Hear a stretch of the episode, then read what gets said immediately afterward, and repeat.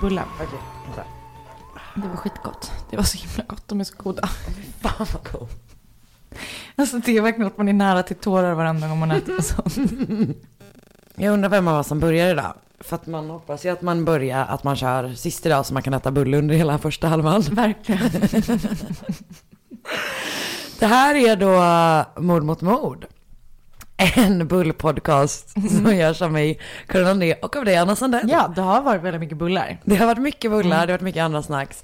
Eh, det var så jävla länge sedan vi spelade in. Det är helt sjukt. Och, och sen vi såg. Alltså vi såg, vi har nog inte setts på tre, Tre veckor. Mm. Mer typ. Tänk att innan vi började göra podden så var det ofta så här i vår relation. Mm. Alltså att vi har, det är ju inte det att vi inte haft kontakt varje dag. Nej, men precis. bara att man inte har sett så Man inte mycket. ses, nej. nej. Eh, jag tycker inte om det. Jag, vill inte gå till, jag kan aldrig gå tillbaka till det. Nej, och det behöver vi inte heller. För nästa gång så åker vi på långsemester ihop. Åh gud, vart ska vi åka? Alltså jag är lite sugen på Mexiko. Mm, väldigt sugen. Bra, Alltså det blir kanske Tulum eller något sånt där. just det, så kan våra killar åka någon annanstans. Precis. Så, De så får bra. åka till eh, Riga. Det var så kul, jag, eh, jag sa precis till dig att Marcus, eh, min kille är i Örebro. Mm. Med sin kompis Karl för att Ja. de ska få hänga och ha lite friend time. Ja. Mm. Eh, men det är så kul för att jag var och Marcus var i Örebro i fredags. Och Ja, såg Mattias Alkberg. Som by the way var så jävla jävla bra. Gud vad härligt. Alltså det var otroligt. Jag är väldigt, väldigt förtjust i honom och det här var, jag tycker alltid han är otrolig, men det här var helt sjukt bra. Men i alla fall så kommer de liksom bo på samma hotell, De kommer göra exakt samma upplevelse som ni fast hade. minus Mattias Alkberg och eh, lite, ja, två nätter eller vad det whatever. Men det som är så kul är ju att det finns ju, för att de bokar ju bara dubbelrum, de kommer säkert boka sam, de kommer säkert bo i samma dubbelrum som vi bodde i. Så de som jobbar på det hotellet, Kommer kom- Marcus är otrogen? ja, alltså verkligen. Kommer de ha middagsbokning på samma ställe som ni? Eh, nej det tror jag inte. Nej. Jag, I och med det att jag tänker att räkna med att de kommer ligga på sitt hotellrum och äta kakor. Eh, men jag hoppas att i sådana fall att om ni hör mig, ni på Elit Örebro, sätt stopp för den här skiten. Verkligen. Eh, du har väl bortrest i tusen år? Det är därför vi inte har setts. Ja, det var Hur så jävla skönt. Hur har det varit? Det har varit Nu lät det som att du tyckte det var skönt att inte vara med mig. Nej, lite. Nej men det har varit så skönt. Det, var Det är okej, alltså det är okej att Nej, säga men- att du ville ha semester och att det var skönt att du hade det. Ja. Ja. Och det var inte semester från dig då som jag Nej, behövde. nej. Nej men det var, det var otroligt. Det kändes som jag var borta i, det kändes som jag var ledig i typ fyra veckor. Ja. Så det var otroligt. Och eh, när jag kom hem så blev jag ju också, jag har ju varit jättesjuk den här veckan. Mm. Så att, ehm, Det var bra och nu är det dåligt. precis. Ska vi sammanfatta det så? Nej men det var så intressant för det var som att jag hade glömt bort hur härligt jag hade haft det när jag kom hem och alltså hade hög feber, så sjukt ont, du vet. Det var, Ja, då var det så att jag bara, det var inte ens värt att vara på semester när man ska må så här. Det känns som att du blir dramatisk när du är sjuk. Jätte. Ja, jag kan verkligen. Men, och grejen är, jag vet att ibland så är det kanske lite överdrivet. Det tror jag inte Anna. Men nu var jag ju verkligen Ja. jättesjuk. Ja, du hade hög feber. Mm. Det var hemskt. Ja, Det var det var, liksom inte bara en vanlig förkylning. Jag tror att jag är ganska bra på att uttrycka omtanke och liksom medlidande när någon är inte det. Mm, absolut. Tack. Kanske för att jag har en mamma som vägrar, som inte gör det överhuvudtaget. Eh, det finns fler som inte gör det. Du pekade just på din kille som just nu lagar lasagne till dig i köket. Han var, jätte, han var jättegullig när jag var sjuk. Men just att jag, jag, jag, jag är ju kanske lite eh, sjåpig eller sådär. Ja. Så jag kanske har ropat varg för för många gånger. Men för, för när jag kom från läkaren och de var så här, ja, du har en jättehög sänka och det, det är njurbäckeninflammation. Du vet, Ja. att det, så var det så lite som en triumf. Haha, jag sa ju. Just det, just det. Men jag kan inte, ja, jag fattar exakt den känslan. Att det bara, inte bara var att jag bara, ah, ja, det är sjuk. Utan att det var så här att jag bara, the doctors are telling me I'm almost dead. det sa de inte. Nej de sa Men inte det, men det var nära. Det Mm. var riktigt nära. Hallå du, eh, på tal om något annat, förlåt. Känner du att du vill prata något mer om din sjukdom? Nej, men jag var ändå bara tvungen att säga det. Ja, ja, men det är jag, bra. Jag har Det är inte fått prata om det på liksom några dagar. Du måste återuppliva det, Ja. återuppleva det. Mm. Ehm, Okej, är det någonting du vill berätta om din semester? Um, Har du läst något? Har du lyssnat på någonting? Jag har läst, eh, jag läst faktiskt. Nämen. Och lyssnat. Eh, lyssnat på, jag lyssnar just nu på min förra, ne- förra veckans Next Story tips. Just det. eh, Hans Rosenfeldt som är ständigt närvarande i den här Just det, podden. just det, vår vän. Eh, den är jättespännande. Ja. Eh, jag har insett det nu när jag lyssnar så mycket på ljudböcker, att det är så otroligt viktigt vem det är som läser boken Ja. för ens känsla för boken. Ja. Alltså, Vem är det? Är det någon speciell här eller är det liksom bara? Jag vet inte, men jag gillar, han är liksom Mm. ganska lugn jag gillar honom. Den bästa är Stefan Sauk. Ah, Shout det out. värsta. Mm. Ste- Shoutout Stefan Sauk. Jag kommer bli så glad för det här. Eh, det värsta är ju de som ska typ så här, som nästan gör lite röster. Ja, lite Ah. ljudteater. Mm. Det gör mig så jävla Mm. Stressad. Skitstressad. Ja. Den lyssnar jag på nu, den är väldigt bra. Och sen så har jag ehm, läst Emily Shepp som är, eh, hon har blivit så superhyllad deckarförfattare. Eh, som utspelar sig i Norrköping. Mhm. Ganska spännande. Mm. är det det som är spännande? Precis, att den är i Norrköping. Ja. Väldigt spännande stad. Ja. Ehm, nära Kolmården. Ja, eh. Himmelstalunds eh, idrottsområdet. Ja. Mm. Nej men den var ganska spännande. Den hette Märkt för livet. Mm. Eller den heter Märkt för livet. Mm. Och sen så läser jag Lina Bengtsdotters andra bok. Mhm. Som, ehm, Det vet inte jag vem det är. jo men jag, jag, jag läste, det är en kompis till mig, stora syster. Just det, just det, just det. Så, eh, och jag läste hennes första bok som heter Annabelle och den var jättebra. Och så träffade jag eh, Lina då, Ja. hemma hos Fredrik och Petra. Och då sa jag att jag hade läst hennes bok. Och då skickade hon hem en bok till mig. Så gullig. Ja, Francesca heter den. Men, men vänta. Det känns som att hon nyss släppte den andra. Det måste varit i somras. Eller första menar jag. Ja, alltså... Hon måste vara så jävla snabb. Hon, nej men jag tror inte att, det var att jag läste den där Annabelle i Jaha, ja, ja. Okej, jag förstår. Du menar alltså att bokutgivning inte är helt, alltså jag tänker ju att, Att när är det bara- händer i när ditt jag liv läser. så händer det. Mm, exakt. Okej, okej. Men det här är då hennes andra och den, är, den släpptes då efter sommaren någon gång tror jag. Jag Och fattar, den jag är fattar. jättespännande också. Ah, nice. Mm. Eh, jag har, apropå vår vän Hans Rosenfeldt, Mm. kollat på första säsongen av Marcella. Marcella. Ooh, vad tycker du? Den är ju superbra. Visst är den det? Den är faktiskt jätte, jättebra. Eh, jag kan kul. ofta känna att jag blir lite jävla less på, eller jag kan bli så jävla frustrerad på när huvudkaraktärer inte gör det jag tycker att de ska göra. Mm. Det vill säga att de typ in, lite grann så inte kan bete sig. mm, Eh, då, typ som, vad hette den serien som Joel Kinnaman gjorde? The Fall. Åh nej, den heter... Den eh, heter The Killing. The Killing. Just det. För The Fall är med han eh, från eh, 50 Shades of Grey va? Mm. Ja. Nej men The Killing, alltså då blev jag galen. För att jag bara, men kan du alltså På jag, henne eller? Ja exakt, för att jag också fast också på honom men det var ju bara för att han var en tönt liksom. What's up Lyndon? Mm, exakt. Fan. Och att det alltid regnade gjorde mig galen också. Men det som var med Marcella var att jag köpte hennes icke-förmåga att bete sig mycket, mycket mer. Ja. Eh, har du sett andra säsongen? ja, Är den bra? den är jätte, jättebra. Okej, bra. Den, är den är typ nästan bättre tycker jag. Mm, nice. Den var skit, skitspännande. Ja, verkligen. alltså vi såg klart den så jävla snabbt. Mm. Eh, också sett eh, The Bodyguard. ja, Ja. visst var det lite som jag sa? Att Ja. den är bra och ändå inte. Ja. Så att man vill tipsa om den och ändå inte. Nej, nej verkligen. Eh, och jag sa också i förra avsnittet att jag tycker han var ganska snygg. Och vet du vem det är? Det, nej, för du har inte sett den här. Det är Robert Snow från Game of Thrones. Jaha. Och jag kopplade inte. Förrän min syster sa det. Jon Snows bror. Mm. Mm. Gud vad Robert och, alltså Robert och Jon Snow, där får man ju känsla för vem det är som är, som är den coola i den familjen. Vem är det då? John då? Alltså, Eller Robert? fast han heter Rob. Okej. Alltså- John and skulle- Robert Snö. Eh, du kan inte säga så för du har inte sett eh, Game of Thrones. Nej nej, jag bara, jag bara hittar på saker kring deras namn. Du vet det är Som som, är felaktiga. det, det är som i, eh, som att så här, ja men vad kommer hända om du döper ditt ena barn till John Benet och ditt andra barn till Burke? Ja, Alltså det kommer inte bli bra liksom. nej. Men, ehm, jo. Oj, oj, du fick liv i blicken. Nej men det här är verkligen en sorgsen grej jag ska berätta nu. Åh nej. För att eh, eh, för några veckor sedan så Mm. tipsade jag om en podd, som, eller nej, en tv-serie Ja. som inte finns att titta på någonstans i Just Sverige. det. Som heter The Sinner. Ja. Så vi klippte ju bort det. Ja, Spoilers här. eftersom vi har tipsat om den vid flera tillfällen och den aldrig har funnits i Sverige. Och det som är så hemskt är, den fanns i Singapore på Netflix. Så nu har du sett den? Nej, jag har sett fy, de fem Nej, första avsnitten. Och jag bara, men det måste ju finnas typ att liksom köpa på, Ja, på typ iTunes. iTunes. inte Jag kan inte hitta den. Men vad ska vi göra då? Jag vet inte, jag får åka tillbaka helt enkelt och se Just färdigt det. den. Mm. Kanske att den finns på, i Mexiko.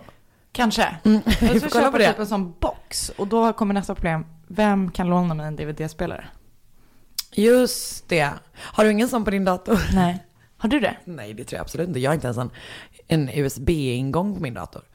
Det är ju sjukt. Jag vet det, men det är ju sjukt. Varför skulle man vilja ha färre? Man bara, åh, jag gillar verkligen min dator, men det hade varit bra om den hade färre hål, sa ingen någonsin. Nej. Och färre funktioner måste det bli då också. Ja, ja, så jag måste ha, ah, det här är inte spännande för någon. Nej. Eh, när vi släpper det här avsnittet så är det två dagar kvar till våran livepodd. Mm.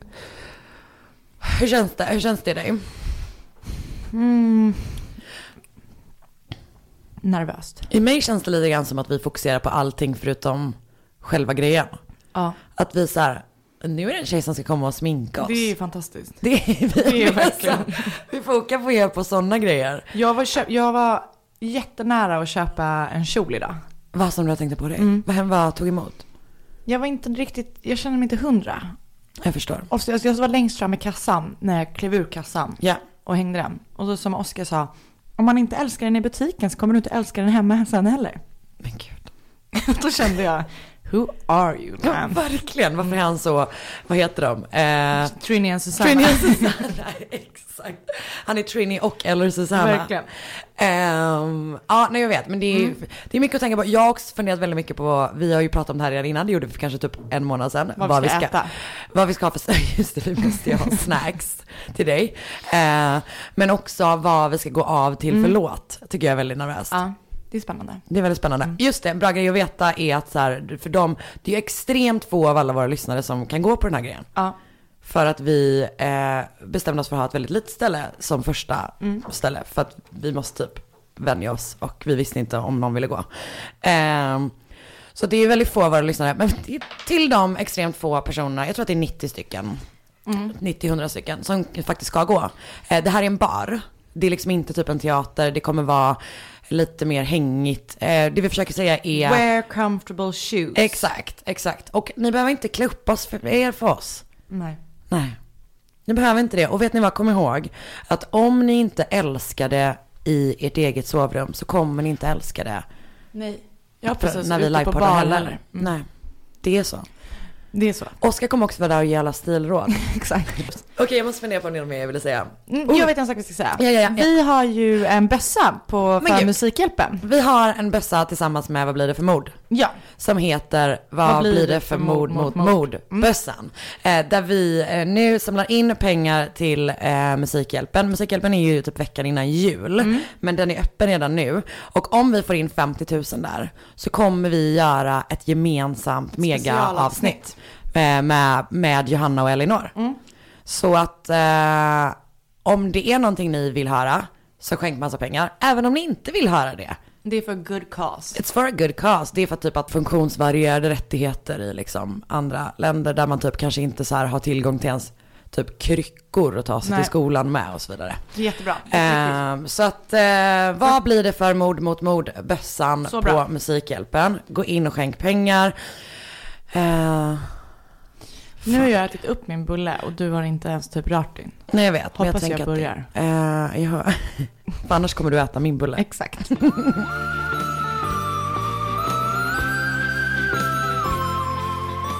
Nextory är med oss den här veckan. Hör och häpna. Verkligen. Eh, som jag har ljud och e-böcker. Som Mord mot mord-lyssnare Ja. så får man en hel månad gratis om man går in på nextory.se kampanj och skriver in mord mot mord som kampanjkod. Exakt så. Eh, den här veckan skulle jag vilja tipsa om eh, första säsongen av Svenska brott. Okej. Eh, som är då av Thomas Bodström, som vi vet vem är. mm. Och Lars-Olof Jampers, som är redaktör för Veckans brott. Ah. De har gjort en hel serie om Arboga-kvinnan. Eller sommarstugemordet. Mm. Ehm, som är typ att de har fått ta, ta, ta del av typ massa nytt material och sådana grejer. Och gjort Som en hel finns på serie om Nextory. Som finns på Nextory. Ah, vad kul. Ja, eller hur? Spännande. Mm.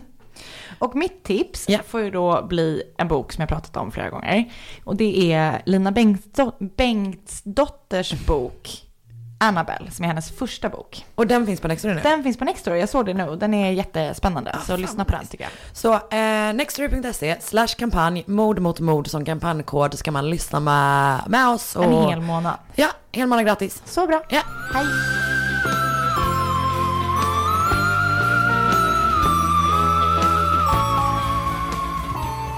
Vi har 713 betyg och vi har fyra. Det tycker jag är ganska bra. Mm. Fast här är någon som har skrivit pinsamt men med potential. Okej. Jag tycker bara det är kul att säga att den har potential. Men det blev fan pissdåligt. Okej. Mm. Vi ska till Tampa Bay, Florida. Okej. För morgonen den 4 juni 89. Den är solig och varm, Anna. Mm. Sju personer är ute med segelbåten Amber Waves. Och åker under bron The Sunshine Skyway. Mm. Och då får de syn på något i vattnet. Mm, inte bra. Eller det hade kunnat vara bra, men det var det inte. Utan de inser att det är en kropp. Det är en kvinnokropp. Eh, kvinnan är halvnaken. Hon har bundna fötter och händer. Och ett tunt gult rep runt halsen. Eh, kroppen ligger liksom på mage och flyter. Så någon på båten bara springer och så här, ringer till kustbevakningen och de är jättesnabbt på platsen. Men när de kommer så har de så svårt att få upp henne. För att något tungt är knutet i repet runt halsen. Och när man väl lyckas så inser man att det är liksom fastsatt i ett så här betongblock typ. Alltså du vet, men du vet en sån Ja, ja. betong liksom, alltså inte ett helgjutet block men Nej. sådana som man kan med hål liksom. Ehm, och hennes mun är också övertejpad med silvertejp. Så att det är ju uppenbarligen inte liksom en vanlig drunkningsolycka på något sätt. Man börjar köra tillbaka med kroppen till fastlandet. Men innan man ens hunnit i land igen så kommer nästa larm. För ytterligare en kropp har hittats eh, av en, annan, en grupp andra människor på en annan segelbåt. Och samma gäng som typ fick åka dit, jag tror att de åker in och lämnar av den första kroppen och sen så åker de direkt ut till nästa liksom. Och det är exakt samma situation. Men gud. Det är liksom en kvinna, ansiktet neråt, händer och fötter bundna, halvnaken, rep runt halsen, sitter till på ett betongblock. Ehm, och medan man jobbar på att få upp henne så kommer ett tredje larm. Men gud. Och samma sak, det är samma grej igen liksom. Så kropparna tas då i land och omhändertas och man, eh, det finns liksom inget sätt att identifiera dem. De, är, alltså, de har bara t-shirtar på sig. Eh, så det liksom finns, finns inget ID-kort eller så. Ehm, jag tror dessutom att, du vet att allting är så här, de har liksom legat i havet så pass länge att typ Man kan inte ta fingeravtryck. Nej, jag, jag tror att det är så att de är svullna och så liksom. Eh, det enda man kan se är så här, ah, det här är tre vita relativt unga kvinnor. Det är typ det liksom. Och deras kroppar har då, för att uppenbarligen har ju någon satt fast dem i de här betongblocken för att tynga ner dem. Men anledningen till att de har börjat flyta igen är ju för att när Det händer väl, den processen. Exakt, det är ju typ så gaser och sånt i kroppen som liksom har dragit dem uppåt. Jag tror att någon av dem har också betongblocket trillat av liksom. Men, men åtminstone två av dem är fortfarande fastsatta. Men, men det blir en sån effekt att de ändå flyter upp liksom. Om det hade varit kallare i vattnet så hade det inte hänt. Nej. Men just för att det är så jävla varmt där så, ja, I don't know. Det sa de på Forensic Files i alla fall. Ehm, och man kommer då fram till att de har varit i vattnet i åtminstone tre dagar och att de dött av drunkning. De har alltså liksom varit levande när de har slängts i vattnet. Vilket ger mig den djupaste jävla Ja, ångesten. det där låter fruktansvärt. Ehm, polisen tar hjälp av University of Florida för att ta reda på var de kan ha slängts i. Alltså du vet så här med strömmar och hela sådana där grejer liksom. Ehm, och man kommer då fram till att det, de, de kan inte ha slängts i från land eller från en bro, utan det måste ha varit från en båt typ. Och polisen går ut i media då med att man har de här tre kvinnokropparna. Som sagt, man vet ju inte vilka de är överhuvudtaget liksom. Eh, Så de behöver hjälp att identifiera dem. Och snart så hör en man av sig som äger ett hotell. Och han berättar då att en mamma och hennes två tonåriga döttrar har checkat in hos honom. Jag tror att det är tre eller fyra dagar tidigare. Och han har sett dem liksom samma kväll som de checkade in. Men sen dess har de inte synts till. Och alla deras grejer är kvar på deras rum. Och det är ingen som har sovit i sängarna, du vet inga handdukar är liksom använda eller någonting liksom. Så han är bara så här, här är något konstigt typ. Och rummet har då hyrts av Joe, Joan Joe Rogers som är 36 år gammal. Hennes döttrar Michelle 17 och Christy som är 14. Och de har då eh, lämnat den här, ja men deras make slash pappa slash mjölkbonden är han också. Det har ingenting med relation att göra, det är bara det han jobbar med. Mm. Hal Rogers på en gård där de alla bor i Wilshire, Ohio. Okay. Och det är första gången någonsin, alltså för, för att de ska åka på sin familjesemester i Florida. Uh. Tanken var att pappan skulle följa med, men sen så kunde han inte lämna gården typ. Mm. Exakt. Eh, och det är alltså första gången de lämnar sin hemstat. Ja. Vilket också heartbreaking. Mm. Att det slutar som det gjorde. Verkligen. Med Hedvigs hemförsäkring är du skyddad från golv till tak oavsett om det gäller större skador eller mindre olyckor. Digital försäkring med personlig service, smidig hjälp och alltid utan bindningstid. Skaffa Hedvig så hjälper vi dig att säga upp din gamla försäkring. Hedvig Hemförsäkring, ett klick bort. Aj, aj, aj, det kluckar i rören. Men det är väl inget att bry sig om? Jo, då är det dags för de gröna bilarna.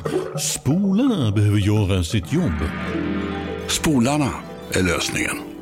Ah, hör du? Nej, just det. Det har slutat. Ah, dåliga vibrationer är att skära av sig tummen i köket. Ja! Bra vibrationer är att du har en tumme till och kan scrolla vidare. Få bra vibrationer med Vimla. Mobiloperatören med Sveriges nöjdaste kunder enligt SKI. Okej, lite om dem då.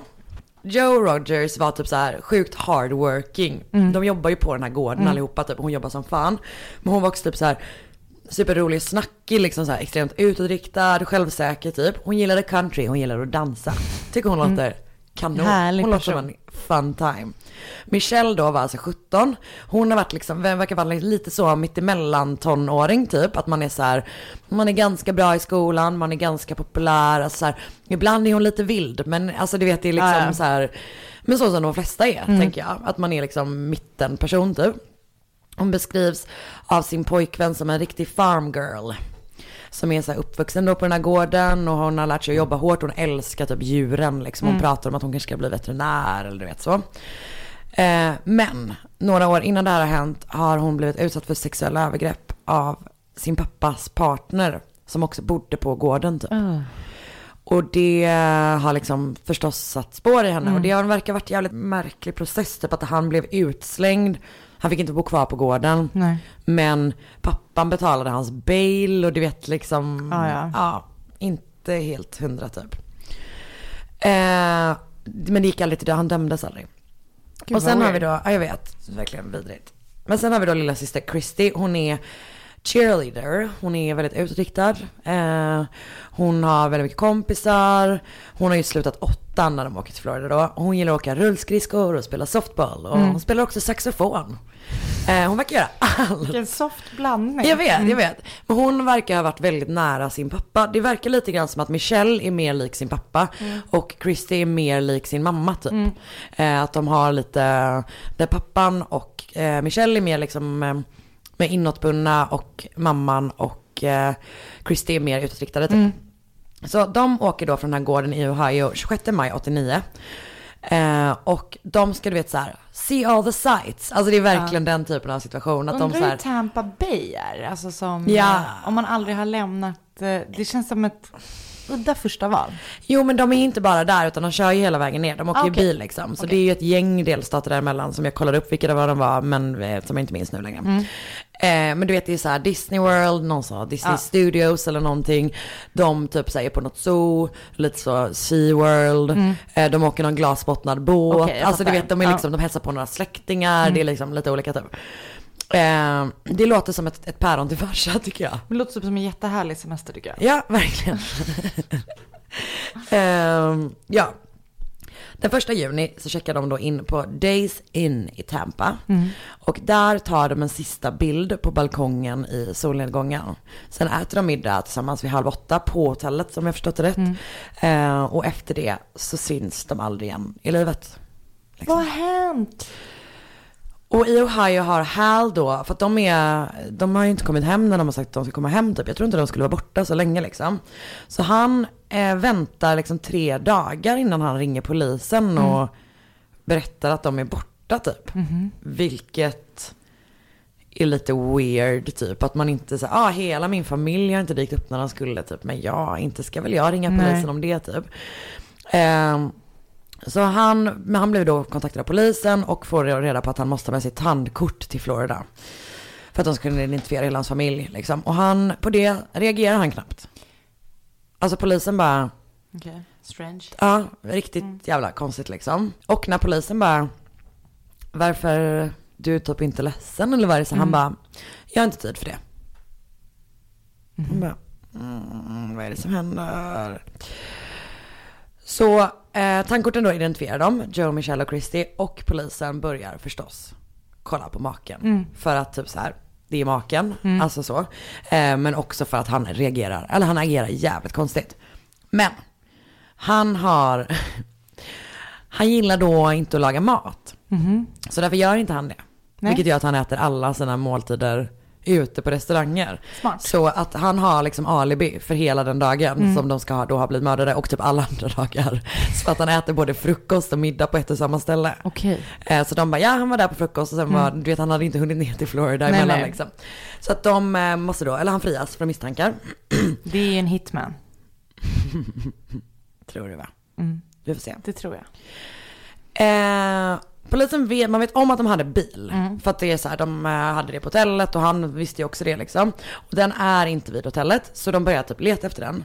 Och man hittar den vid någon slags så här, men typ som en båt, eller båtplats, du vet det är liksom en plats där all, vem som helst får lägga ner sina båtar i vattnet. Ja, en sån ramp typ. Exakt, precis så. Där står den då. Ehm, och i bilen så hittar man två anteckningar på två olika pappersbitar. Den första är skriven av Joe, kan man så konstatera när man kollar hennes eh, hand. Ballistic. Exakt, mycket ballistics här. Det kommer bli mer. Eh, jag är typ ganska intresserad av Det är måste jag ganska coolt faktiskt. När jag jobbade på morgonpasset hade vi med någon som jobbar med sånt. Ja, Eh, och pratade om det. Det det är coolt. Ah, spännande. Ehm, ja, så att man hittar den här lappen som är skriven på brevpapper från det här hotellet. Och den är skriven med hennes handstil och på den är adressen till den här rampen nerskriven. Och så står också text, eh, står det eh, blue with eh, och så slash WHT. Alltså blue with white liksom. Men den andra lappen är, eller det andra är liksom skrivet på en broschyr, broschyr. Av en person som man inte vet vem det är. Eh, och det är då adressen till hotellet som de bodde på den kvällen. Och det då så inser man så här, eh, vad finns typ så här i en båthamn som ofta är vit, vitt och blått, typ en båt. Antagligen. Antar man antagligen skulle träffa någon som hade en båt. Och de inser då också så här, vi måste hitta den här personen. För att det här finns något liksom. Eh, och den här personen har då en rätt så här märklig handstil. Det är två saker som är konstiga med, med hans handstil. Det ena är att han skriver stora, alltså versala ten i mitten av ord. Så att han, liksom, han använder bara typ stora T. Liksom. Eh, och sen så skriver han också, alltså när han skriver gemena yn, så är de, alltså det finns fyra olika varianter på hur han skriver dem liksom. Okej. Eh, vilket är så här, men jävligt karika- karaktäristiskt liksom.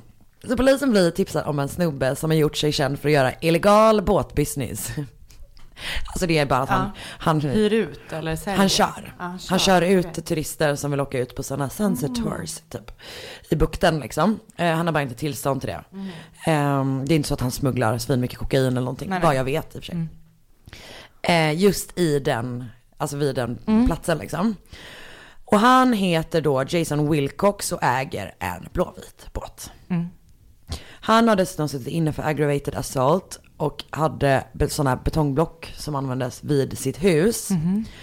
Eh, han bodde några kilometer från den här platsen. Men man har liksom inte tillräckligt för att gripa honom och testa handstilen. Nej. Så att man bara, okej det här fallet är verkligen på väg att låsa sig. Typ, vi tror fan att det är den snubben. Men typ, vad, hur tar vi det vidare liksom? Det som händer då är att polisen påminns om ett fall som inträffade två veckor innan familjen Rogers eh, mördades. Och det är då eh, en 24-årig kvinnlig turist som har kommit till polisen och berättat att hon har blivit våldtagen och hotad av en man som erbjuder sig att göra just en sån båttur. Typ. Alltså så här att han, han kommer fram till henne och bara, ah, vill du åka ut på en båttur? Jag har sådana turer. Hon bara, ja. Det, vilket för mig, jag får känslan av att hon, det här har jag inte läst någonstans. Jag tycker bara att det låter helt jävla otroligt att en 24-årig kvinna skulle åka ut med en, eh, en man hon inte känner eh, ensam i en båt. Så att va, det här är, återigen jag hittar på nu. Jag tänker att det var typ så här, vi, jag ska ta ut en grupp personer på den här båten. Eh, vi ska åka ut på en så sunset tour. Eh, vill inte du följa med? Och sen när hon kommer dit så är det bara hon. Ja. För att man är sån som inte, eller typ i det läget så hade man är, man är ju tyvärr, man, man ska ju i det läget bara, ah nej tack det är bra. Men jag tror att det är ganska lätt hänt att man bara, Säkert. eh, ja det här hittade jag på. Mm. Höll du med om det? Det är lätt bra tycker Okej, jag. bra, bra, bra. Så han, de åker då ut på den här båten eh, i liksom solnedgången. Och när de är så här långt ute så tar han fram en kniv och hotar henne. Alltså så här, antingen så kommer jag våldta dig eller så kommer jag döda dig. Men gud. Fattar du ens att du är ute på ett hav? Ja. Ja, det är så Panik. Och hon bara, ehm, jag tror att hon säger till honom att hon är oskuld. Eh, att hon bara, ja det, snälla gör inte det här typ. Jag är oskuld och typ då blir han mer peppad liksom. Eh, och att han säger också så här, för det är väl ändå bättre att bli våldtagen än att bli mördad typ. Han säger också att så här, det är hajar i vattnet. Så typ det är ingen mening med att du försöker liksom fly Nej. typ.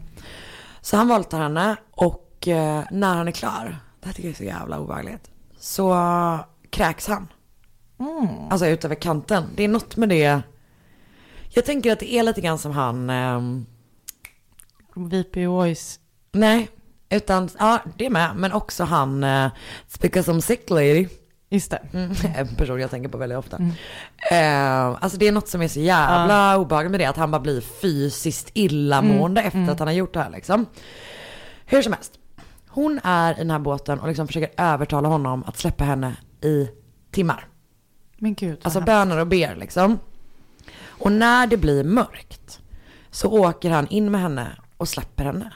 Ja, fan. Vilket också är ja, så jävla tur men också så jävla sjukt typ. Och dagen efter så går hon då till polisen men hon har ju typ så hunnit duscha och sånt liksom då. Så det kan ju ha försvunnit eh, bevis. Men hon kan i alla fall berätta att båten hon har varit ute med är blåvit. Och också att man har åkt från den här platsen liksom. Och att den här Jason Wilcox som eh, hon får se bilder på honom och så.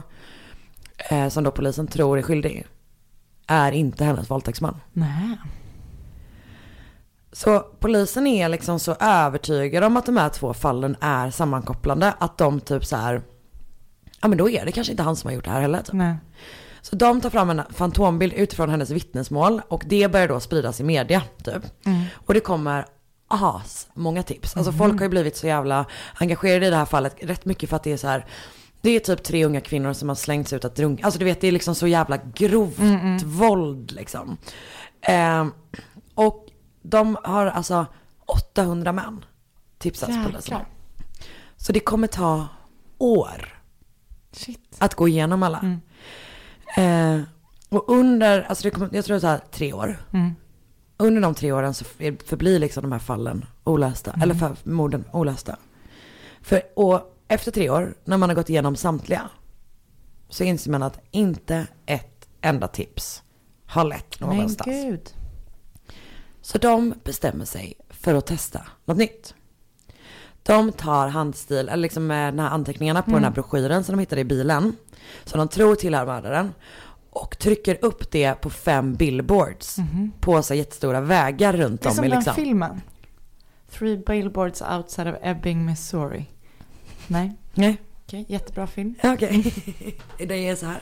Den är inte riktigt så här. Men ungefär. De trycker upp, eh, aktsamma. Vad Det är Missings... eh, Nej men hon typ beskriver, hon är, eh, det är en mammas, eller det är en flicka som har blivit våldtagen, eller mördad, försvunnen typ. Och eh, polisen labbar ner utredningen. Och mamman är liksom, hantar polisen. Så hon hyr så här tre jättestora billboards där hon så här sätter upp. hennes... eh, Väldigt bra film. Eh, ja men alltså så de liksom får upp den här, den här, den här som sagt ganska märkliga handstilen Mm. på billboards. Och eh, skriver då bredvid så här, Who wrote these directions? You may know who killed the Rogers family. 25 000 dollars reward. Mm. Ehm, och sen liksom så här kontakta polisen typ. Och man får alltså napp typ direkt. Mm. För det ringer då en kvinna som heter Joanne Steffi. Eh, och hon berättar att en man som typ tidigare varit hennes granne, jag tror inte de är grannar längre, men som också har en byggfirma som hon har anlitat, har exakt en sån handstil. Och hon har ett kvitto, liksom faktura som när man har skrivit att så här, visa det. Och hon får se på fantombilden och hon bara japp, typ, det är han liksom. Eh, och snart så typ, hon får in de här grejerna och typ deras sån handwriting expert bara ja, det här är samma person liksom. Shit. Eh, men det är ju lite så, alltså just den typen av vetenskap är väl lite, alltså är nog, jag tror inte att det räcker liksom. Nej. Eh, så att man har ju fortfarande den, det är liksom utmaningen. Men den här personen som eh, Joanne Steffi ringer in om. Trippelmördaren, vidrig, vidrig person, heter, det här är verkligen ett namn. Mm. Oba Chandler. Alltså Oba förnamn, Chandler Bang i efternamn. Oba, alltså OB. OBA, Chandler. Chandler. Chandler. Mm, Chandler Bang. Ehm, han är 43 år gammal, gift, har åtta barn med sju Oj. olika kvinnor. Och två sexuella övergreppsdomar i sitt förflutna. Mm. Han har under den här tiden för, liksom, för mordet bott typ en kilometer Mm. från den här båtplatsen. Och snart, ja men som sagt så här, man har problemet då att man bara okej, vi vet att det är han. För det säger våra experter. Men, alltså här, um, handstilsbevisen kommer typ inte räcka Nej. liksom, utan vi måste styrka det här på annat sätt innan vi typ kan ta in honom. Och det som är då är att på alla båtar så har man väl någon slags anropningssystem, eller inte alla kanske, men många liksom. Eh, och han, man kan då tracka hans telefonaktivitet för att visa när han har liksom varit ute med båten typ. Jag skrev man kan också, bara, det är väl ingen telefon kanske. Vad heter det? Det är radio va? Komradio? Ja. Ja, jag vet inte. Men det, man kan i alla fall typ få ut, liksom, ehm, få ut information om det. Eh, och han, GPS tänker du på eller? nej. alltså att han har typ ringt till sin fru och Ah, varit såhär, jag kommer sent ikväll. Okej, Typ, så mm. kan man se det. Eh, och han har då varit ute sent, liksom vid rätt tidpunkt. Både dagen då den här kanadensiska turisten blev våldtagen och kvällen då Joe, Michelle och Christy försvann. Mm. Eh, och sen så när eh, den här kvinnan, kanadensaren, får syn på, eller får se bilder på honom, hon bara japp det är han. Eh, och sen vis, ordnar de en sån eh, line-up också. Och återigen bara pekar hon ut honom direkt liksom. Så hon är typ 100% säker. Men ändå är ju allt det här typ inte bevis Nej. riktigt liksom. Eh, ja man kan visa att han har varit där ute, handstilen verkar tyda på, han är identifierad som våldtäktsman i hennes fall. Men typ hur ska man, ja du fattar. Du har hört sådana historier innan. Eh, han hade så ja absolut, typ, han hade likadana sådana rep, han bodde nära, Ja. han var ute när det hände, bla bla bla. Eh, han har tyvärr sålt sin båt eh, precis innan polisen dyker upp. Hör och häpna. Eh, men till slut kommer ett genombrott. För att man behandlar broschyren som han har skrivit på med något medel liksom. Och får då fram finger och handavtryck. Och vissa av dem är från familjen. Men det finns liksom ett helt handavtryck, alltså verkligen så här handflateavtryck. Som stämmer överens med Oba Chandler. Aha. Trots det. Alltså då vet man ju så här, han har träffat dem, han har skrivit det här, du vet liksom så. Men han förnekar. Han säger då så här. För men först säger han att han inte träffat dem alls. Men sen när de får den hand, handavtrycket, han bara okej. jag har träffat dem. Men det var bara för att de bad mig om väg. De, behövde, de hade typ kört vilse och de behövde så här vägbeskrivning till ett hotell. Så att jag hjälpte dem med det liksom. Det är det enda typ. Ehm, men trots det så åtalas han för kidnappning och trippelmord. Och åklagarens teori är då att Joe och hennes döttrar, Michelle och Christy, körde vilse den 1 juni 89, stannade vid en bensinmack och frågade Ober Chandler om vägen till hotell. Alltså de bara, vi behöver något bo någonstans typ. Eh, och när han då skrev ner de vägbeskrivningarna, han bara, men vill inte ni åka på typ en, eh, en båttur typ i solnedgången? Jag organiserar sådana för turister typ så här. Och de bara, ja jättegärna, det låter kanon. Eh, jag tänker också typ det att man tror ju att det är lugnt när man är tre personer. Ja, gud ja. Det känns ju liksom som att det bo, allt borde vara tryggt och lugnt liksom. Så då skriver hon ner vägbeskrivningarna, det är liksom händelseförloppet enligt åklagaren eh, kring just de här lapparna typ. Man tror att de åkte ut med båten vid halv nio, nio. Eh, och där är de liksom extra utsatta eftersom ingen av dem kan simma. Och så snart han typ så här, han börjar hota dem och sen binder han dem. Och någon gång under kvällen slänger han dem alltså över bord. Fastbundna vid det här cementblocket. Och någon gång under kvällen ringer han också sin fru och säger att han kommer bli sen till middagen. Men varför, varför gör han det? För att han är en fucking lustmördare typ. Ja, ja. Alltså jag tror att det är enda, Men hade han våldtagit dem? Alltså man tror att han har gjort det. Eh, men kropparna var, hade legat i vattnet så länge. Så att man inte kunde veta säkert. Men man tror att han gjorde det liksom. Och en så jävla obehaglig grej med det är att man tror att han valde att inte täcka ögonen på dem. För att de liksom skulle se vad som hände de andra typ. Mm. Usch vad hemskt. Alltså ett jävla äckel Mm. liksom. Och eh, efter rättegången så säger en av jurymedlemmarna att He scared some of the jurors when he would sit there and stare at you and have that stupid grin on his face. Men erkände han? Han har inte Nej. erkänt. He would make your skin crawl. Oba Chandler döms den 4 november 1994 till döden för morden på Joe, Michelle och Christy Rogers. 17 år senare, den 15 november 2011, avrättas han i Florida State Prison. Han säger inga sista ord, men däremot lämnar han en lapp och på den står det You are killing an innocent man today. Men, jag är snart klar. Förlåt för att jag ska världens längsta historia. Nej, det är jättespännande. Men det tar inte slut där.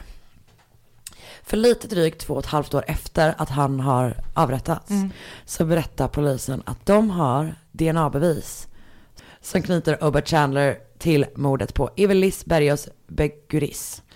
Och hon mördades i november 1990, vilket alltså då är 23 år tidigare. Alltså 23 år jäklar. innan det här liksom kommer fram. Hon var 20 år gammal och var, hade hunnit typ in, knappt inte ens vara gift ett år när hon eh, mördades. Hon jobbade i en sportaffär i Sunrise Mall i Coral Springs och det var också där hon såg sista gången. Så när hon inte kom hem så åkte hennes man till shoppingcentret, hittade hennes bil som hade sönderskurna däck. Åh jävlar. Och det man då tror är att Oba Chandler skar upp däcken för att hon skulle hamna i en utsatt situation liksom. Och eh, tre timmar efter att hon anmälts saknad så hittas hon i ett bostadsområde med märken som tyder på att hon haft bundna händer och fötter. Man hittade te- rester av tejp i hennes hår. Och två dagar efter det här mordet så flyttar Oba Chandler från sin lägenhet som ligger i liksom samma område. Eh, jag tror att det är typ två kilometer från den gallerian liksom. Och han bara lämnar allting. Alltså han verkligen bara ställer sig upp och går typ. Man kan liksom bevi- bevisa då att det är han på grund av att man har DNA-prover som man nu har mer, du vet så här, Ja. avancerad teknik liksom. Men gud. Och grejen är ju då så här, ja men det vet vi att man typ testar gamla, gamla fall och nu är det att cold case, gru- cold case gör mycket framsteg just nu. Ehm, och man håller just nu på att kolla om det inte är så att han har, är ansvarig för fler fall. Och i ärlighetens namn typ, det finns liksom inte, alltså nu är det är på min åsikt igen. Det är bra. Som du eller, älskar så mycket. Ehm, för, alltså jag tänker att det kan inte finnas en chans att hans första mord eh, skedde vid 43 års ålder och var på tre personer. Nej, nej, nej. Alltså så här, och, och att han ett och ett halvt år senare mördade. Eh, Alltså så här, jag köper fan inte det. Att han gick från våldtäkt, två veckor senare trippelmord. Det låter väldigt konstigt. Alltså han måste ha begått så jävla jävla mycket skit. För att det här är den typen av mördare som är genomond och beräknande och asläskig. Gud vad hemskt. Så det där var Oba Chandler. Väldigt spännande. Vad Eh. hemskt. Liksom en hel eh, familj. Ja, jag vet. Och typ hela den grejen att det är så här, de ska åka på så här girls vacation typ. Alltså verkligen. Och det är någonting just i det att så här, man tror att man är, har liksom power in numbers. Att Ja. så här, om vi bara gör det här vid tre så är det lugnt. Ja. Och så är det inte så. Nej. Det är fan jävligt Men skrämmande. också det bara när man bara, "Aj, jag kan ju fan inte simma. Nej. Paniken. Ah, gud. Mm. Är du bra på att simma? Det vet du väl att jag inte Ja, är? just det. Gud, vi får aldrig åka båt. När vi åker till Mexiko, inte en båtresa. Nej. Eller vänta. Jag, kan, jag kanske får träna lite räddning innan. Jag är väldigt bra på att simma. Så nu. Men jag, alltså, jag blev faktiskt ganska glad för Oskar sa nu när vi var borta att han tycker att jag är bättre än vad jag ger mig själv cred för, för att, på att simma.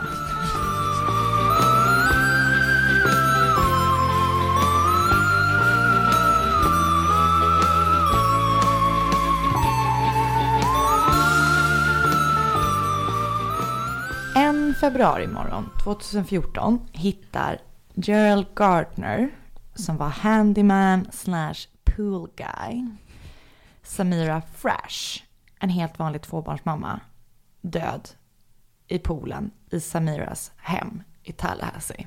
Okej. Och hon hade dött av trubbigt våld mot huvudet och av drunkning. Oj. Samira var gift och hade två barn, men ingen var i huset. Utan hon var ensam där liksom, han kom.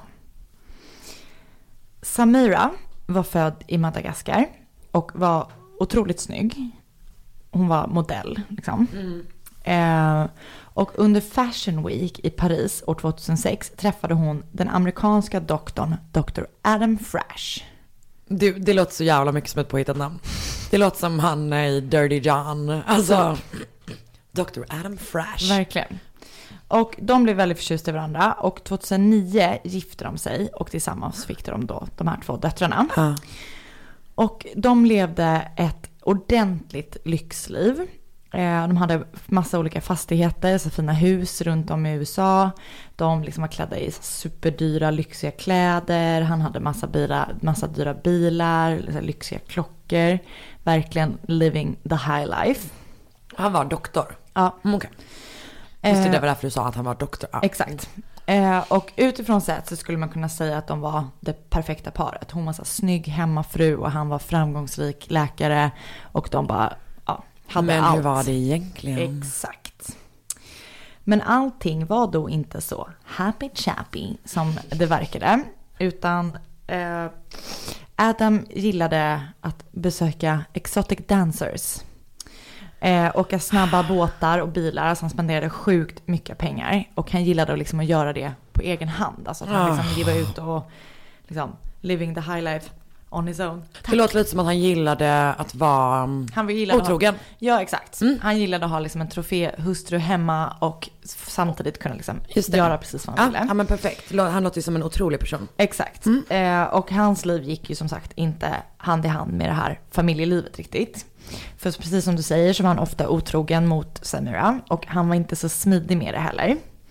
Eh, vid ett tillfälle så hade han aff- eh, en affär med tre olika exotic dancers. Men där, en affär med tre Ja men tre olika Okej. affärer. Ja. Jag tänkte att de hade någon slags treenighet. Nej, precis. Affärer med tre olika exotic dancers, varav två jobbade på samma klubb. Så att liksom, han var inte sådär att han Nej. försökte vara smidig med det.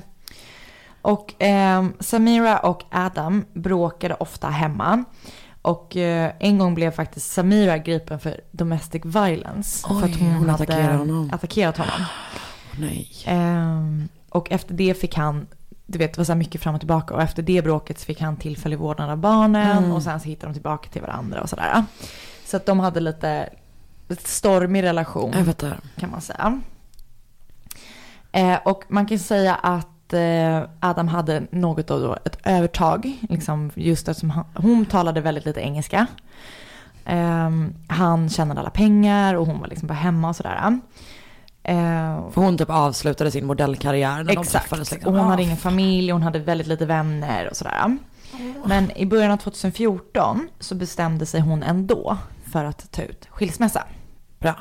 Ehm, och hon gjorde det, liksom ansökte om det. Och rätten bestämde att hon skulle få ensam vårdnad eh, av deras barn. Och att hon skulle få bo kvar i ett, det här huset där hon senare skulle hittas död. Och att han skulle betala underhåll till henne och barnen. Och hon berättade liksom i samma veva som det här att hon var rädd för att eh, Adam skulle döda henne och att hon inte kände sig trygg. Men liksom trots det så, hon bara, nu liksom Det finns, fan, går jag vidare. det finns liksom inga starkare människor än typ folk som lämnar Alltså verkligen. pissiga relationer när man är, när hela världen är typ såhär bara, nej nej, Du borde stanna. du borde stanna Ja. för du har ingenting. Verkligen. Fan. Ehm, och ehm, hon hittas ju då död i poolen av han som hjälper dem hemma. Och det huset är tomt. Och anledningen till att det är tomt är för att sam, eller samma morgon som hon hittas död, tre timmar tidigare så ser man, eh, de bor i sånt gated community. Och på kamerorna där så ser man Adam lämna huset i en bil, liksom, bara kör iväg med döttrarna i bilen. Så han åker direkt till Panama City där de också har ett hus.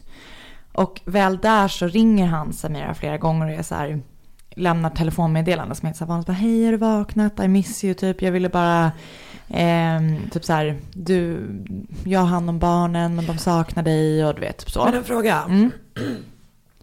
Eh, vet, du, vet man hur det var liksom eh, om han hade barnen i perioder? Eller för, alltså, Nej, de var ihop, alltså de levde ihop. Aha, ja, okej. Så de har inte skilt sig. Nej, de har inte skilt Nej. sig. Okej, okej, okej. Utan de lämnade varandra lite kort. Men De, jo precis, de har skilt sig. Men, de, är bor typ ihop. fortfarande ihop. Ja, jag Ja. fattar. Okej, okej. För det, hon, det här är i februari 2014 och hon typ tog, började liksom ansökte om skilsmässa och allt sånt där i januari. Okej, Så okej, jag så det har inte gått så mycket tid liksom. typ. Jag fattar. Eh, så han ringer och är liksom bara så här, helt vanliga meddelanden. Eh, och ju längre dagen, liksom, eller hon hittades på förmiddagen, men ju längre tid det går känns det bara, jag börjar bli orolig, varför svarar du inte? Typ så. Ehm, och under den här tiden som innan hon hittas så blir han också filmad på en bank tillsammans med barnen där han ehm, tar ut 5000 dollar Oj. i kontanter, vilket är ehm, weird. eh, och eh, innan, när de har hittat Samira så hittar de, börjar de direkt leta efter Adam. För de tänker så här, var är mannen liksom? Eh, de hittar honom då i Panama City, där han är. Och de griper honom direkt när i hans hem. Och eh, när han väl är på polisstationen så stämmer inte, liksom, det är saker som inte stämmer när han försöker återberätta vad som har hänt. Till exempel så påstår han att eh, de inte har bråkat kvällen innan. Eller du vet, så här, han bara, men det är inga konstigheter. Men det som man ser på övervakningsfilmer, allt, alltså allting som är utanför huset är ju filmat. För att det är sånt gated community. Där kan man se att, du vet, när de kommer med bilarna uppkörande till huset. Så går han ut och försöker öppna dörren och hon så stänger den. Och det ser ut som att de liksom inte är Det är inte bra. friends. Nej. Nej.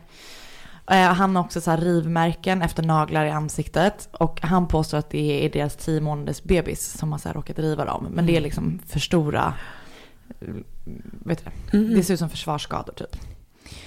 Eh, och han säger då så här, ehm, eller de har ju då berättat att hon är död och de undrar vad som hände liksom kvällen innan. Det är då han berättar det här. Ja. Och han försöker då, ska då återberätta kvällen. Och så säger han, han påstår att när de har kommit hem till huset på kvällen innan så har hon börjat dricka champagne. Och mycket champagne. Och han säger att hon dricker så mycket som nästan två flaskor. Och att hon börjar sluddra och liksom att hon blev så här alltså, Packad, liksom. rejält berusad verkligen. Eh, men det som är konstigt är att det finns 0% alkohol i hennes Oj. kropp när hon hittas. Så att när, när de säger det så här, det verkar Det stämmer inte. jättekonstigt liksom. För Ja. hon, eh, det är typ att han bara, äh, men alltså det, det kan lika gärna varit alkoholfri champagne.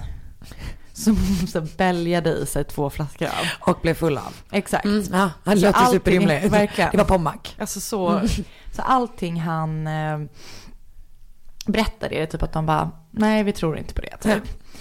Och eh, de frågar också varför han har lämnat så, så tidigt på morgonen. Eh, Han, han åker klockan åtta på morgonen. En, liksom. Så säger han ehm, eh, att han gjorde det för hennes skull. För att hon, hon, han ville att hon skulle liksom få så ett break från barnen. Och han säger att ehm, han brukade göra det ibland. Så att hon skulle hinna fixa naglarna, håret och hon skulle gå och vaxa sig och du vet så här.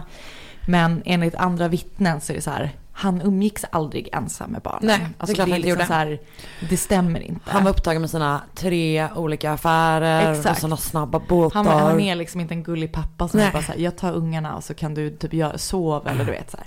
Men det säger han.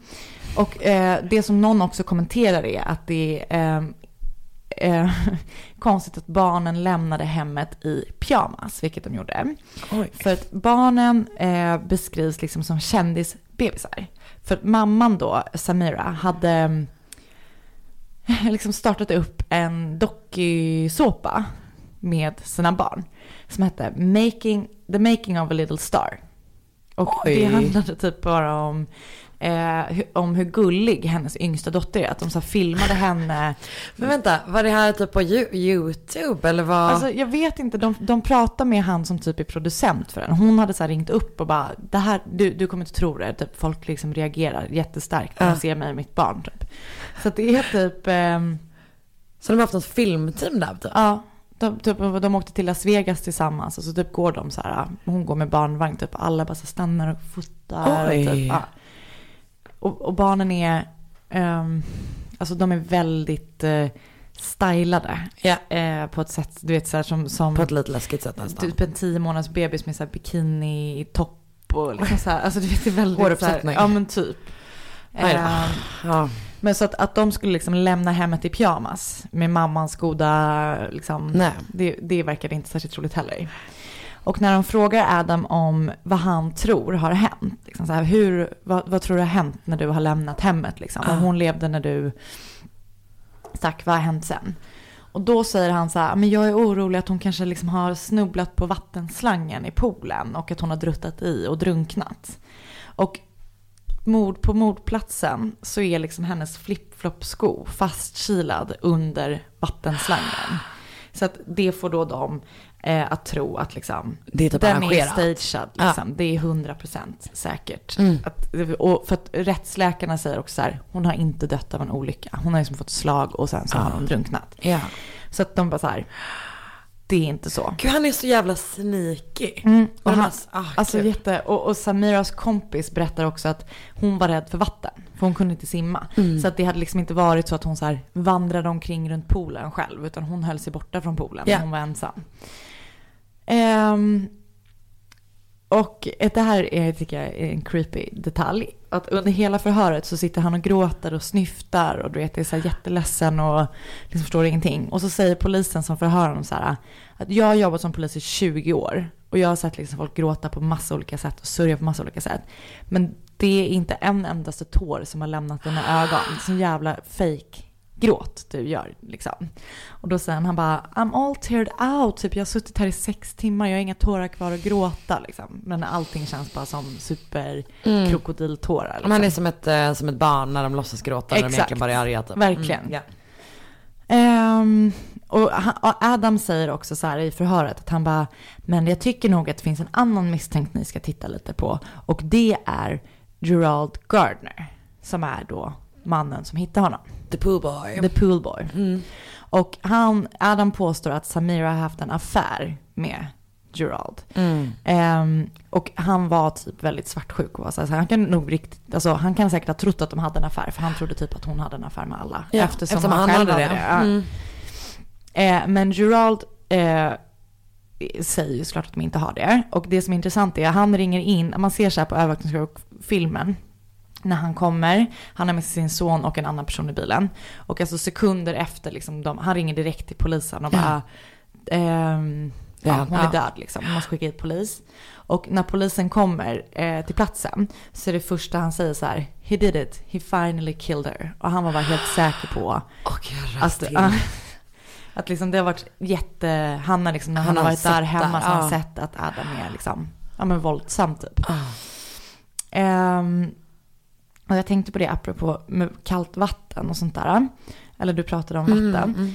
För man kunde inte fastställa exakt när hon hade blivit mördad. För att ehm, det var så kallt i poolvattnet. Så att hon var liksom, man vet inte om hon dog på kvällen eller om hon Nej. dog på morgonen och sådär. Eh, man vet ju att hon levde på kvällen när hon kom hem och att hon var död klockan 11. Men Ja. man kan inte säga exakt när hon blev mördad för att hon, det, ja. Eh, så i, i rättegången då som blir så försöker försvaret hävda att det inte finns några bevis. Eh, för man kan ju inte säga när, den blev mördad, när hon blev mördad. Och det fanns tydligen även ett vittne som sa att han hade sett Samira på familjens biluppfart klockan 10.30 den dagen hon dödades. Och då menar försvaret så här, men Adam åkte klockan åtta så att om hon var i liv då så måste liksom, Ah. det var en olycka typ. Men det var ju filmat allting så man borde ju kunna, Ja men in- inte på deras, eh, Ah. alltså det är så filmat liksom runt eh, de var inte helt in och utfarter och Nej, sådär. okej. Men eh, åklagaren hade både ett och två S upp i rockärmen. för som vittne så kallar de någonting som en polis kallade för, vilket jag tycker var väldigt roligt, a career snitch. Eh, en man som hette Folsom. Och den här Folsom hade eh, blivit dömd, han har blivit dömd 40 gånger och sitter, liksom suttit i fängelse hela tiden. Och han var, har varit beroende av droger sedan han var nio år gammal. Så han var liksom verkligen, in, han var verkligen en fängelse, jättehemskt. Men Folsom och Dr. Adam Frash hade varit cellkamrater. Eh, När han var häktad, typ. Ja, när han var häktad. Och enligt Folsom så berättade Adam liksom information som bara mördaren kunde ha vetat själv liksom. Och han liksom, ingenting fanns att läsa i en tidning, men Adam berättade liksom massa saker om vad han hade gjort. Och Folsom säger att Adam berättade att han och Samira hade hamnat i ett fysiskt språk med varandra. Liksom. De hade haft en rumble fight. Eller vad var det? Ja. Ehm, Det här, det här namnet som du, eller ordet som du verkligen håller på att jobba in nu. Det var ytterligare en rumble fight. Ja. Eh, de hade hamnat i ett fysiskt språk. Eh, så hade han slagit henne i huvudet med en golfklubba i bråket. Och han ska då ha sagt så här, det var, jag menade inte att döda henne, men liksom när jag hade slagit henne och insåg att hon typ var död liksom. Så slängde han henne i poolen och stack därifrån. För att han fick liksom panik typ. Men också, det är så jävla, eller typ att, att bara så få syn på en golfklubba och börja svinga mot någon Ja. är inte riktigt någonting man kan, alltså så här, jag har ändå varit arg. Alltså, precis. jag har ju inte kan slagit någon någonsin, men ändå liksom. inte ens med nävarna. Nej, Nej. inte ens min bror. Nej. Men vänta, vad har du gjort? Har du varit i slagsmål? Är en annan podd. Exakt. Ehm, men eh, han berättade också, eh, den här Folsom, att Adam hade bett honom i fängelset att han skulle göra sig, hjälpa honom att göra sig av med golfklubban när han kom ut. Men det gjorde han ju inte. Eh, men det skulle visa sig att golfklubban hade Samiras DNA på sig, men inte något som helst blod. Så att man vet inte om det är mordvapnet. Och Adam själv säger att så här, nej, den, där, den där golfklubban är planterad av utredarna. Den stod inte där liksom. Det här är inte, det här stämmer inte. Så det är liksom lite fram och tillbaka så här. Eh, men juryn överväger i bara två timmar innan de kommer fram till domen. Och de kommer fram till att han är skyldig Ah. och döms till livstidsfängelse. Oj. Vilket är ju jättebra, för det är, det är nog antagligen han som är skyldig. Ja. Men det är så sorgligt, för nu är det två små, små barn som inte har någon av sina föräldrar. Och jag såg eh, något sånt här crime scene avsnitt med det här, där de intervjuar honom jättemycket.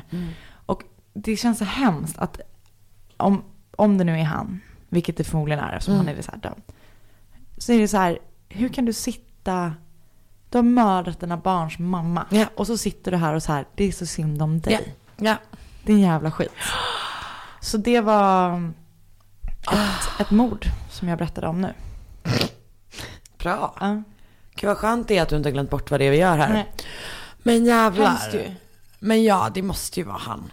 Jag tänker att det är det enda... Ja. Men det är ju också, jag tycker typ nästan alltid att det är lite läskigt när det är sådana rättegångar där det är så mycket fram och tillbaka. Och sen överlägger man så himla kort tid. Och alltså så här, Faktiskt. eller typ jag gissar att det var en rätt lång rättegång. Ja, och då är det ju ofta, tänker jag bara att juryn är så här, fuck this. Han är Typ. oskyldig. Ja men så här, vi pallar inte lyssna, ja, men vi pallar inte lyssna mer. Eller vi pallar inte prata mer. Vi vill typ gå tillbaka till våra vanliga liv liksom. Verkligen. Men just den där grejen att vara så här, och jag menar det är ju något som är, eller så här, det är ju en sån, en, liksom en kvinnorättshändelse typ när kvinnor började jobba och började tjäna egna pengar. Mm, Att man blir så jävla mycket mindre Det är så hemskt att vara så liksom. beroende. Ja, att du, men du är så extremt jävla utsatt liksom. Du äger typ inte ditt eget liv. Nej. När, om du skulle dra så hade du inte haft en spänn Nej. liksom. Hemskt ju. Ja det är så jävla jävla hemskt. Och typ att tänk man är i ett annat- så fången i ett annat Ja, land. Ett annat land, man talar inte riktigt språket. Man har ingen att inga prata med. vänner. Alltså, så jävla vidrigt. Och typ så här, hon kanske inte liksom kom, kom från pengar heller. Det är Nej. inte det att hon kan typ ringa sin, sina föräldrar och bara så här, get Hjälp me out of Nej. here. Nej, det, Så hemskt. den, det måste ju vara som en total jävla Mm. känsla av typ maktlöshet. Men eh, det, var, det kändes väldigt, det känns ju, det var otroligt sorgligt. Och så blev jag så fascinerad av deras hem och typ deras stil. Alltså Har de sett det? har, Ja, Det finns så mycket bilder. ja men som hade lite så film, du vet, de filmade lite så här, eller ja, Är det bilder. fult eller? Alltså det är så otroligt Tacky. tacky. Ah, vi måste kolla på bilden nu. Alltså det är vidrigt. Ah, ja. Jag älskar den typen av amerikansk eh, stil. zebramönster och så här mycket trä och mycket De glas. största sofforna du kan tänka Exakt. dig liksom. En sån Så soffa som lyxig. sväljer dig hel. Ja. Ja. Eh, ah, ja, men jag gillar verkligen. Kanske typ att så här, in- åtminstone något av sina hem så måste de haft du vet sådana trappor som gick upp. Ja, det, det vet jag inte. Men, det de- tänker jag att de hade. Ja, gud ja. Mm, 100 procent. Eh, ja men bra, men nu måste vi bara kolla på. hur det ser ut. Ja, för det, jag vill också se hur hon ser ut. Och jag vill också se den här eh, reality-serien. Typ här är deras sovrum. Det ser ut som att de, har, de bor på Versailles typ. Fast... Men gud, det är mycket värre än vad jag trodde att det skulle vara. Det här är helt sjukt. Så lyxigt. Men det är... Vad är det där? Det är så start hem. Det är verkligen ett riktigt, riktigt stört hem. Wow. Det var fan till och med fulare än vad jag trodde det skulle vara. Intressant. Mm, verkligen, tack snälla. Tack. Och tack till er som har lyssnat. Det var Eh, härligt. Vi träffar några få av er på fredag. Det blir Det väldigt bli kul. jättekul. Var snälla. Var snälla mot oss. Och vi, vi andra vi hörs nästa onsdag. Exakt. Eh, och så följ, kan man följa oss på Instagram. Du heter att Anna, jag heter att Karin Londre. Man får jättegärna lägga en snäll recension. Så går man med i vår Facebookgrupp som heter Mord mot mord podcasten. Ja. Bästa platsen på internet. Vi närmar oss 5000. Är vi det? Nej, vi har 500 kvar. Så Mm. kom, kom, Kom in i nu, gruppen. kom in nu. Dåliga vibrationer är att gå utan byxor till jobbet. Bra vibrationer är när du inser att mobilen är i bröstfickan. Få bra vibrationer med Vimla. Mobiloperatören med Sveriges nöjdaste kunder enligt SKI.